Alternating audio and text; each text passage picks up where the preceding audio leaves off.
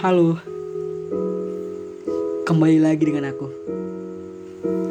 Em, sadar gak sih, semakin ke sini dan semakin dewasa malah semakin banyak beban yang dirasain. Malahan tanggung jawab juga makin banyak. Belum lagi tugas-tugas yang belum kelar.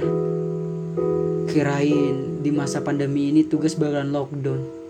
Eh, ternyata malah buat ngedon. Ah, dulu waktu semasa sekolah bisa aku hanya menghabiskan waktu saja. Sekarang malah dikejar-kejar sama waktu. Semasa sekolah teman masih banyak banget. Sekarang malah tinggal itu, itu aja. Yang lain sudah pada sibuk dengan urusan masing-masing. Lagian juga udah pada tem beda tempat sekolah, kuliah, kerja. Circle-nya juga udah mulai berubah teman-teman juga udah pada glow up sedangkan aku gini-gini aja. Malah glow down. Nggak pernah itu up up kalau saja waktu bisa diulang kembali mungkin rasanya ingin menjadi anak kecil saja. Menghabiskan waktu bermain taunya. Tidur siang termasuk wajib. Apalagi kalau lagi main bola. Dah nggak ada tuh yang namanya extra time nggak ada yang namanya wasit.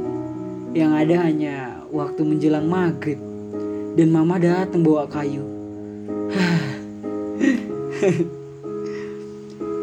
Waktu kecil merayakan ulang tahun adalah masa paling indah.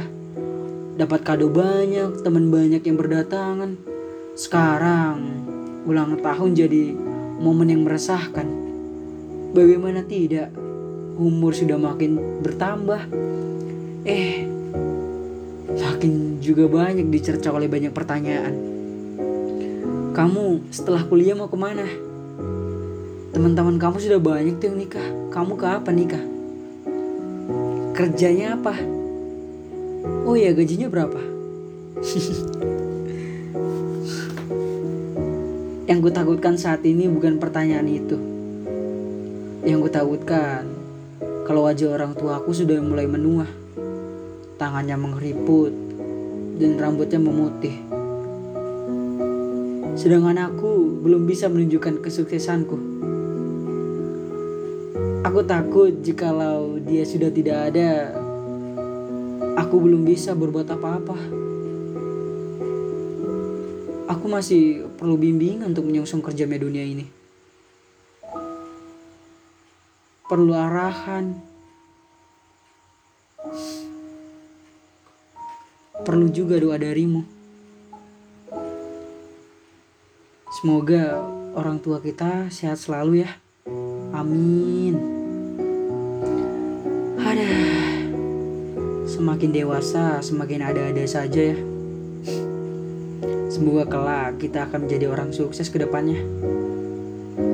Jadilah orang yang mencintai proses, bukan malah tahunya protes.